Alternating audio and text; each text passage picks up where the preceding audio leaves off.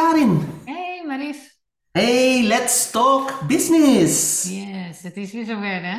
Ja, en ik, ik, ik, heb, ik heb wel een heel leuk onderwerp, denk ik.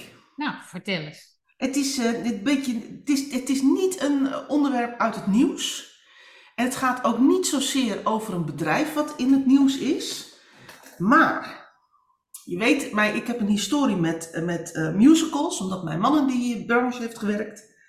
En eh, eh, ik werd vanochtend wakker en ik stond in de badkamer. En er zat opeens zo'n zo'n musical liedje in mijn hoofd. Oh, Heb je dat wel eens dat je 's ochtends wakker wordt en dat je zo'n, gewoon continu zo'n liedje in je hoofd hebt? ja, heb ik wel eens, maar er is meestal wel een aanleiding voor. Ja, nou, als je er straks nog eentje wil hebben, dan zing ik eventjes Heb je even voor mij van Frans niet, heb je die de hele dag in je hoofd. Ja. Maar ik had vanochtend had ik een liedje uit de musical Hamilton in mijn hoofd. Oké, en En welke was dat? Nou, ik ga het je niet aandoen om hem te zingen. Nee? Ik denk dat niemand daar heel erg blij van wordt. Want ja, ik zing met volle overtuiging, maar niet altijd in de goede tonen. Maar dat is, dat is zeg maar een onhebbelijkheidje. Maar dat nummer dat heet No One Was in the Room Where It Happened. Oh, wat mooi zeg. En dat, dat is een, een liedje. En de eerste keer dat ik in, in. Ik heb deze musical Hamilton in, eh, in Londen gezien. Ja? De eerste keer dat ik die musical hoorde, was dit nummer al was het nummer wat mij raakte. Gewoon. Oké. En dat, en dat komt omdat de boodschap van dit nummer, No one was in the room where it happened, Ja? is de boodschap van het middenveld. Ja? Van het middenveld van de organisatie. Ja? De, de, de, de, de, de, de, de, de, de slimme, de coole, de, de hooggeplaatste mensen zitten in een kamer. Ja? Die discussiëren met elkaar van alles. En Ja? nemen een besluit. Ja? En dan moet er wat gaan gebeuren. Ja? En, en het middenveld krijgt dan de boodschap. Maar die zit ook een beetje met het dilemma. No one was in the room where it happened. Nee, feitelijk krijgen ze de boodschap overgedragen. Hè? Dus de uitkomst van de dialoog, die heeft plaatsgevonden. Precies. Maar bij de dialoog en uitwisseling van argumenten die dan doorgaans plaatsvindt, daar waren ze niet bij. Precies. En die komen ook vaak niet bij de communicatie mee. Nee, Want hè, stel even, je maakt als organisatie een, een- de keuze, of het bestuur maakt de keuze, om een nieuwe productgroep voor een nieuwe doelgroep te gaan doen. ja, Dan, dan komt op een gegeven moment de oekase uit de bestuurskamer. We gaan een nieuwe doelgroep met een nieuw aanbod doen. ja, Dat is de boodschap. Nou, daar kun je ja, voor zijn, daar kun je tegen zijn, daar kun je, kun je helemaal vergaan, daar kun je bedenkingen bij hebben. Maar wat je niet weet, is waarom is deze keuze nou gemaakt? nee, En wat zijn nou de verschillende argumenten die meegenomen zijn in de afweging van deze doelgroep en dit aanbod? ja, Maar no one was in the room where it happened. nee, Dus het middenveld van de organisatie is daardoor per definitie zoekende in hoe moeten we nou deze, deze eh, koerszetting, hoe moeten we die nou lezen, hoe moeten we die uitleggen? En ehm, ja, dat maakt dat het middenveld eigenlijk per definitie achter de feiten aanloopt. ja, En, en ik vind dit met name ook, daarom, daarom dacht ik van dit is toch wel leuk om hier vandaag met jou over te praten. Omdat dit ook weer heel erg koppelt aan de zes rollen van het middenveld. ja, En ik dacht, laten we die nou eens met elkaar doornemen vanuit het fenomeen No one was in the room where it happened. ja, leuk onderwerp hoor.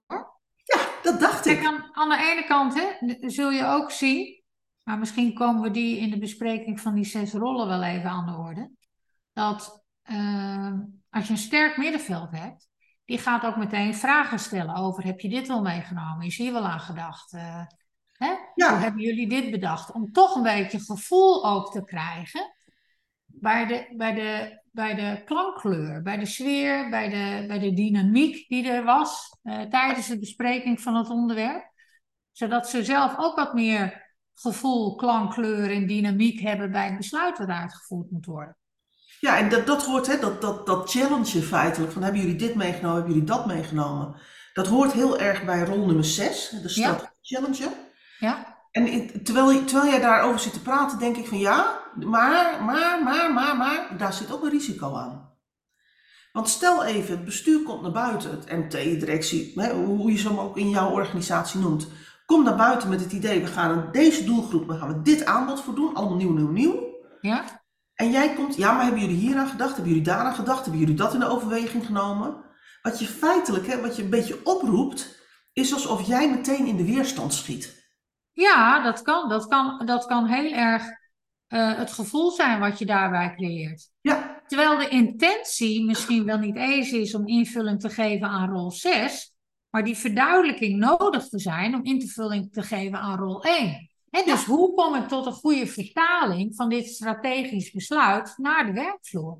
Ja, want stel je voor hè, dat, dat, dat het besluit was van nou, hè, we willen, hè, we, hebben, we hebben geld, we hebben capaciteit, we weten wat onze sterke punten zijn, wat onze fundamentele sterkte zijn.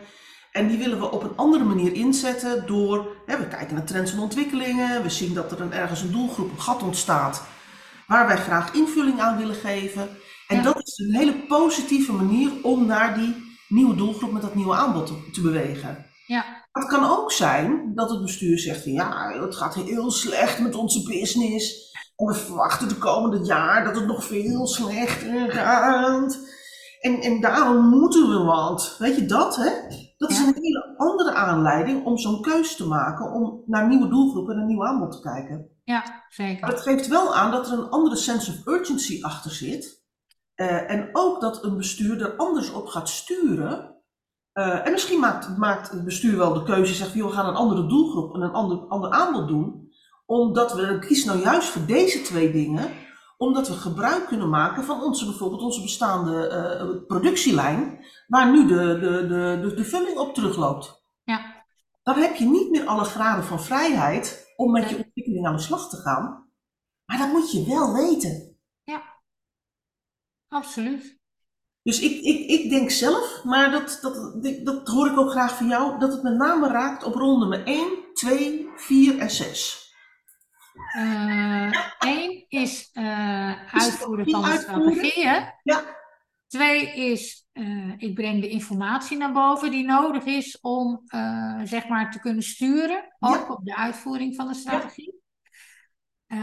En zes is De strategie challenger. de strategie challenger. Hè? Zijn alle ter zake doende argumenten wel meegenomen ehm, eh, bij het komen tot een besluit? Ja, en ik denk ook rol nummer 4, en dat is de reality checker.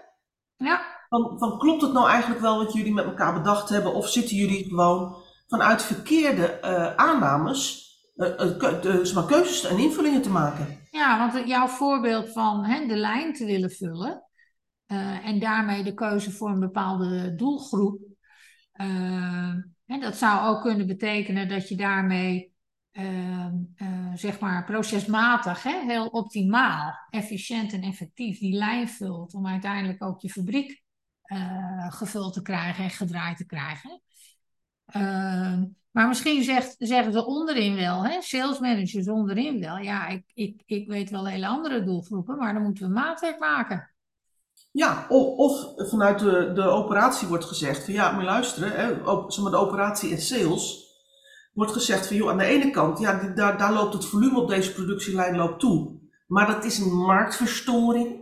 Ja. Dus het volume trekt over een half jaar bijvoorbeeld wel weer aan. Ja, en wat doen we dan, hè? Als we kan- nieuwe... Precies. En het kan ook zijn dat operations zegt van ja, maar eigenlijk is het wel hartstikke mooi dat de productie op die lijn even terugloopt.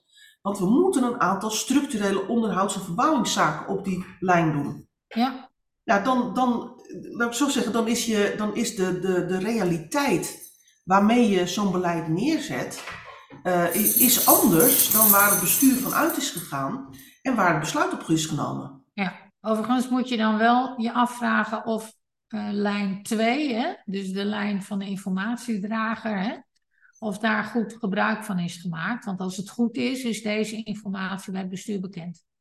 Ja, maar nou ja, laat ik zo zeggen, ik ken natuurlijk legio-organisaties en jij ook, waar dit soort informatie niet of slecht naar boven komt. Ja, dat is zo. Of waar de informatie wel naar boven komt, maar vervolgens, eh, dit, laat ik het zo zeggen, dat die wel vanuit onderuit omhoog wordt gebracht, maar dat die ergens in de hiërarchie blijft hangen. Ja, En dat is, dat, dat is, dat is natuurlijk ook aan de ene kant die filterwerking hè, die je met elkaar als middenveld hebt. Want niet alle operationele informatie hoeft ook bij het bestuur te komen. Maar je moet wel een goede inschatting maken van, joh, heeft het bestuur nou de juiste informatie om besluiten te kunnen nemen? Ja. En het feit dat de, dat de productie terugloopt op een lijn en uh, je schat met elkaar in dat dat komt door een marktverstoring en dat het over drie of over zes maanden ook weer goed komt, omdat, er, omdat je weet dat er dingen in de pijplijn zitten. Ja, dat is natuurlijk wel informatie die naar boven moet komen. Ja, absoluut. Maar nogmaals, jij en ik, wij kennen legio-organisaties waar het bestuur wat dat betreft volledig zoekende is. Nee, maar dan zou dat uh, ook kunnen betekenen dat als je denkt, nou, we starten een, een, een nieuw, uh, nieuw product op, hè, op die, op die uh, capaciteit die vrijkomt of vrij is, dat je over drie tot zes maanden echt in de problemen komt, omdat je dan de capaciteit niet meer hebt. En, en het niet zo eenvoudig is om 1, 2, 3 extra capaciteit erbij te krijgen. Nee, want als het gaat over productiecapaciteit, dus productielijnen, waar je apparatuur voor nodig hebt, ja, dat heeft over het algemeen wat een, een wat langere aanlooptijd. Ja.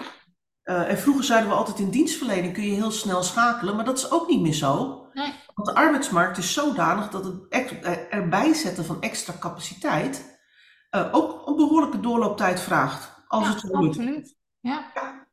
ja. Als we kijken naar, naar rol 4, hè, de reality checker. Ja. Um, die, voor mij zit die vaak ook heel dicht tegen rol 2 aan. Hè, want rol 2 gaat over informatie omhoog brengen. Ja. Maar op het moment dat er dan een besluit genomen is, dan is eigenlijk de reality checker nodig om te zeggen van ja, maar weet je, dit klopt niet. Jullie zijn uitgegaan van aannames die in de praktijk niet bestaan. Ja ik, ik denk even, we krijgen natuurlijk steeds meer te horen over wat er bijvoorbeeld in de, in de toeslagenaffaire is gebeurd. Ja. Nou, het beeld is nu ook volstrekt helder dat vanuit, het, vanuit de Belastingdienst een aantal keren signalen zijn afgegeven van joh, de, de, de, de manier waarop we dit nu, zeg maar, hoe, hoe deze wet is vormgegeven en hoe wij hem moeten uitvoeren, leidt tot grote, grote problemen. Ja. Hier gaan slachtoffers vallen. Ja. Dat signaal is afgegeven, maar is ergens in de hiërarchie zeg maar, uh, eruit gefilterd. Of is bij de verantwoordelijke op het bureau terechtgekomen en die heeft gedacht, nou het zal zo vaak niet lopen. Nee. En ik denk dat dit is ook iets waar, uh, waar nou ja, een ander voorbeeld, hè, John de Mol, de, de problemen bij The Voice. Ja. ook daar zijn al eerder signalen in de organisatie afgegeven. Ja. En die hebben ook, zeg maar, John de Mol niet gehaald. Nee. Of als ze wel John de, John de Mol hebben gehaald, dan heeft hij daar niet afdoende op, op geacteerd. Nee. Het is hem niet duidelijk geworden hoe groot het probleem was. Nee, precies. En dat kan in zijn paradigma zitten. Ze moeten niet zeiken. Ik zeg het even in mijn woorden. Hè. Dit is Ja, niet ja. hoe Mol denkt. Het is even in mijn woorden vertaald hoe zoiets Ja. kan gaan. In termen van, Ja. ze moeten niet zeiken. Ze willen beroemd worden. Nou, en ze krijgen de kans. Uh, of het signaal is gewoon niet in de juiste, met de juiste zwaarte bij hem binnengekomen. Nee, dat kan heel goed. Maar op het moment dat het wel naar buiten kwam en hij heeft toegestemd in dat interview, wat ik echt heel stoer vind, hè? Want, je, want je maakt jezelf best heel kwetsbaar. Ja. En in zijn geval heeft het ook, uh, uh, nou ja, de, de, laat ik het zo zeggen, verdeelde reacties uitgepakt. Toen hij zei van ja, ik snap niet dat dit echt een probleem is, want we hebben echt zoveel loketten waar mensen het kunnen melden. Ja. En, en dan denk ik van, had dit nou gecheckt bij jouw eigen mensen, dan had daar de reality check op kunnen plaatsvinden van, John, dit kun je in deze tijd niet meer als boodschap gebruiken. We zijn als Ja. maatschappij verder in onze ontwikkeling met de hele hashtag MeToo-affaire. Dat het gaat er niet om dat er misbruik is en dat een vrouw dat dan meldt bij een loket. Het gaat erom dat je een cultuur creëert waarin dit soort misbruik niet meer zeg maar, kan plaatsvinden. Nee, exact. In ieder geval, en als het gebeurt, dat het boven tafel komt, besproken wordt en, en er wordt ingegrepen. Ja. En, en dat, hè, dat, dat is die rol van die reality checker. En, Ja. Overigens is dit wel hetgene wat we, da- dat we aannemen. Hè? Dat weten we natuurlijk niet. Nee, dat Het kan best zijn dat we zeggen van we richten loketten in. Hè? En, en we gaan kijken als daar meldingen komen, wat we daarmee moeten. En dan zou het mooi zijn dat iemand hè, vanuit die onderlaag zegt van ja, maar ja, John, als er meldingen komen, en dan is het een teken dat er ook iets met de cultuur aan de hand is. En misschien moeten we daar preventief ook al op inzetten. Dat weet je niet. Hè? Misschien is daar. En misschien is er ook wel helemaal niks door gedaan. Misschien heeft de organisatie zelf daar ook wel steken laten vallen. Dat kan ook. Ja. Hè? Ehm, maar wat je beschrijft is in, inderdaad hoe het zou moeten gaan, denk ik. Ja. Maar ook daarvoor geldt, hè, als je als middenvelder in zo'n organisatie zit, op een gegeven moment komt er zo'n, uh, wordt dit actueel in de organisatie? Ja. Daar wordt over gesproken ja. en een besluit genomen. Ja. Daarvoor geldt weer, no one was in the room where it happened. Nee, precies. Dus niet alleen wij zijn zoekende naar wat is daar nou precies voorgevallen en, en hoe is daarna gekeken. Dat zijn de middenvelders in die organisatie ook. Ja. En, en dat maakt ook, uh, uh, dat nummer blijft gewoon door mijn hoofd spoken. Ja. Weet je, als we het er dan zo met elkaar over hebben, dan denk ik, hoe belangrijk is dan ook uh, communicatie? En dan bedoel ik ook niet communicatie in de zin van wij zenden naar beneden en er wordt iets naar boven gezonden, om het zo maar te zeggen, maar gewoon de dialoog met elkaar. En daadwerkelijk willen begrijpen en er moeite voor doen dat die organisatie ook op een goede manier in elkaar haakt. Ja. dus dat een bestuur echt moeite doet van nou, vanuit onze positie en ons denkraam denken wij dat dit een goed, goede oplossing zou kunnen zijn, hè? loketten. Maar middenveld, is het dat ook? Ja. Hè? Want net wat jij zegt, net wat jij zegt, hè? ook in de kader van de rol de reality checker, als een, als een bestuur hier niet voor open staat, en niet van nature de vraag heeft van, is het dat ook? Hè? Maar het gewoon neerlegt van, nou, zo hadden we het bedacht. En mensen gaan vragen stellen omtrent, ehm, ja, maar is dit wel een goede oplossing? Hè? Want in onze optiek werkt dit niet en zou het meer zus en zo moeten. Hè? Dan kun je dus ook het etiket krijgen van, uh, ja, eh, daar is hij of zij weer. Hè? Die, die hangt weer met de kont achter de kar, bij wijze van spreken. Ja. Hè, is moeilijk. Heeft altijd opmerkingen. Kan nooit eens even positief meewerken. Hè? Ik bedoel, dat, dat etiket heb je natuurlijk heel gauw op. Dus het, het vergt een heel verfijnd samenspel, wat mij betreft, tussen bestuur, die zegt, en ook de houding aanneemt, niet alleen zegt, maar ook de houding aanneemt. Dus het gevoel ook creëert van, willen jullie eens meedenken? Hè? Is het dit nu? En ook een middenveld wat open staat en die rol serieus neemt, die uitnodiging serieus neemt en vervolgens ook echt oprecht na gaan denken van ja, gaat dit wel werken? En niet in alle hectiek van alle dag denkt van nou ja, prima, die vraag is gesteld, maar ik heb een ander lijstje wat vandaag af moet. Ja, nou ja, en, waar je dan toch ook een beetje tegenaan loopt, is dat we de afgelopen 30 jaar wel een enorme verandering hebben gehad en, en ook nog steeds zien over wat we als organisaties van het middenveld verwachten. Ja. Want omdat die communicatie over wat zijn onze, aan, wat zijn onze uitgangspunten, wat zijn onze aannames en wat hebben we in overweging genomen om dit besluit te nemen, ja. Uh, is er, zeg maar, ik noem het altijd maar, de deur, de deur van de bestuurskamer gaat op een kiertje open en iemand roept naar buiten, we gaan linksaf. Nou, wat we dan verwachten als besturen in organisaties, is dat het middenveld het oppakt en zorgt dat de organisatie naar links beweegt. Ja. Maar in de tussentijd gaat de discussie in de bestuurskamer door. Er komt Ja. nieuwe informatie. Dus die middenveld is net bezig om al die teams en al die werkzaamheden en al die sturing naar links om te zetten. En het bestuur denkt van ja, maar er is nou een andere beweging en we hebben een andere vraag van een grote klant en we zien een kans in de markt. We gaan rechtsaf. Ja. En dan gaat de deur weer op een kier en dan roepen we naar buiten, we moeten rechtsaf. En dat middenveld staat weer, ja, maar, ja, ik ben net link, ik heb net alles klaarzet om linksaf te gaan. ja. Overigens Dus dat- doet me dit denken aan een ander liedje, maar oké. Ja, ja, maar dus, dat mag je straks zeggen. Maar wat er gebeurt, is dat we feitelijk gecreëerd hebben dat dat middenveld in een afwachtende houding is gaan zitten. Ja, precies. Dus de kier van de deur gaat open. En de deur gaat op een kier zo open. En, en er wordt geroepen, we gaan linksaf. En het middenveld, nou, dat zullen we nog wel eens zien.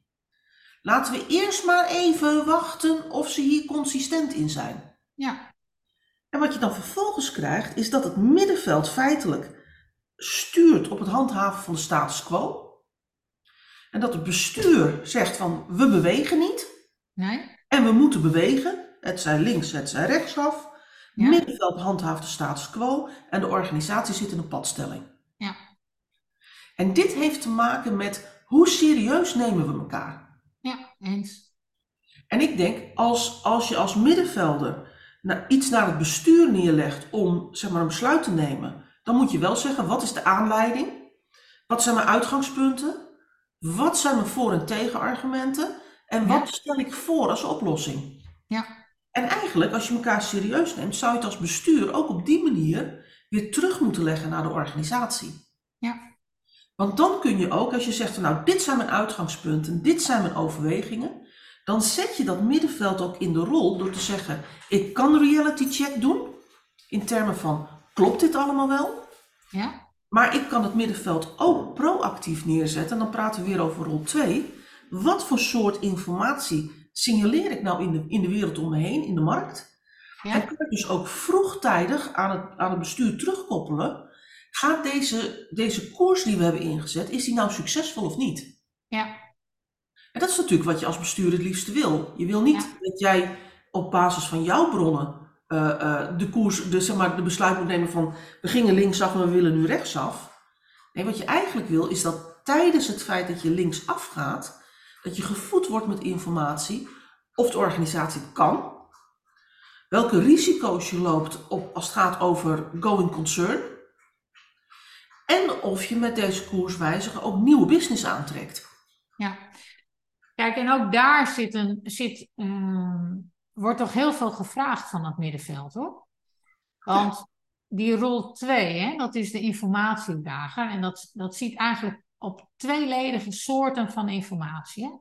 Eén, informatie over hoe ver staan we eh, voor wat betreft eh, de activiteiten die eh, uitgewerkt zijn naar aanleiding van de door het bestuur gevormde eh, ge- ge- geformuleerde strategie. Dat Ja. is één.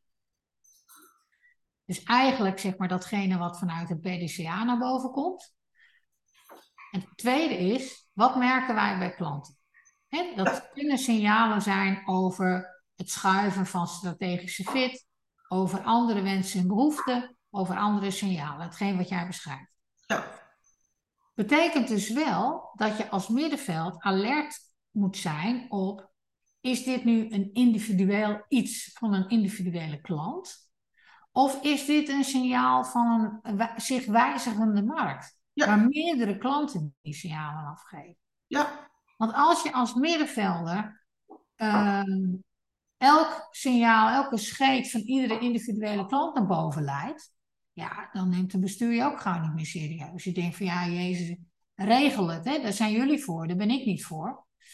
Maar datgene wat door groepen van klanten of meerdere klanten als mogelijk signaal eh, eh, kan duiden op verandering van die markt, verandering van die klantbehoeften, ja, dat wil een bestuur wel weten. ja en dat, Ook hier hè, is het, is het, is het, vraagt het wel wat van het middenveld om Ja, die absoluut. te vervullen. En, en het doet me ook denken aan, eh, ehm, ik heb natuurlijk altijd aan de commerciële kant van organisaties gewerkt. Ja, Dus dat je hebt je, je eh, ik noem maar eventjes je verkoop account management systeem, hè, waarbij je de, de, de, de, de, de sales zonder service, roep ik dan maar eventjes, aan de onderkant zit.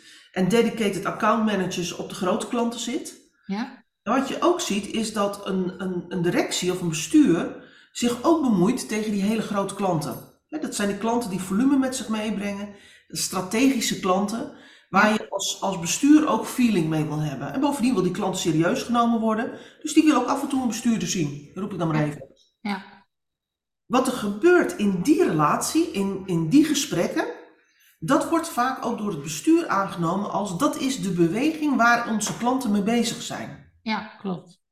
Eh, en en eh, ik zie ook vaak dat, er, dat daarmee commerciële beslissingen op bestuursniveau vaak worden genomen, wat wij dan noemen, op een steekproef van NS1. Ja, Ik ben bij deze klant geweest en die vraagt om deze extra service, dus hier is markt voor. Ja. Nou, ook daarvoor, daar zit dus ook die rol van reality checker op. Ja. Klopt dat nou wel? Is Ja. dit iets wat alleen bij deze klant speelt? Of alleen bij deze twee, drie grote klanten? Ja. Is dit, want dan kun je het namelijk gewoon regelen voor deze klanten. Of is dit iets wat algemeen in de markt ons verder zou helpen?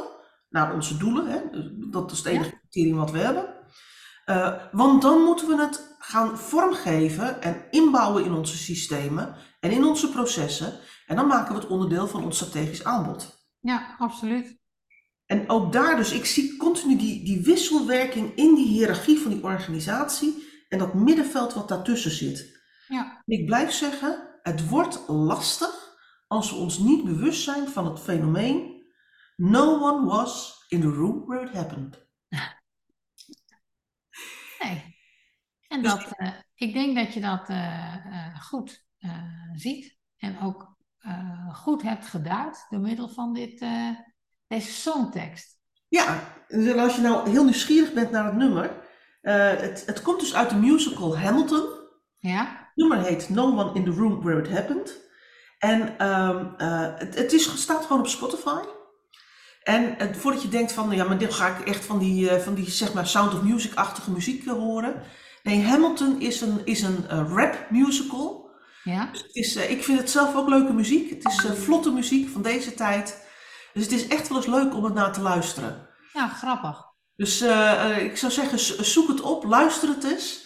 En eh, nou ja, als je nou, als je nou zeg maar net zo bezig bent met het middenveld, of je zit op het middenveld, het is ook heel leuk om het dan een keertje gewoon zeg maar in jezelf, nou niet al helemaal in jezelf, maar zachtjes te, te zingen als je op de gang loopt en langs het bestuurskamer.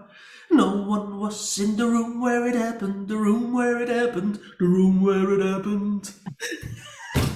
Voldoende hoor. Ja, dat is voldoende. Maar dat geeft dan de aanleiding dat mensen tegen je zeggen van... joh, wat ben jij nou aan het zingen? Ja, Heb je een aanleiding om dit eens te sprake te brengen? ja, leuk. Nou, ik denk een hele mooie, mooie aanleiding om dit gesprek eh, te voeren ook. Maar nou ben ik nieuwsgierig. Hè? Want we hadden het net over de koers naar links en de koers naar rechts. Welk nummer heb jij daar nou bij in je hoofd? Naar links.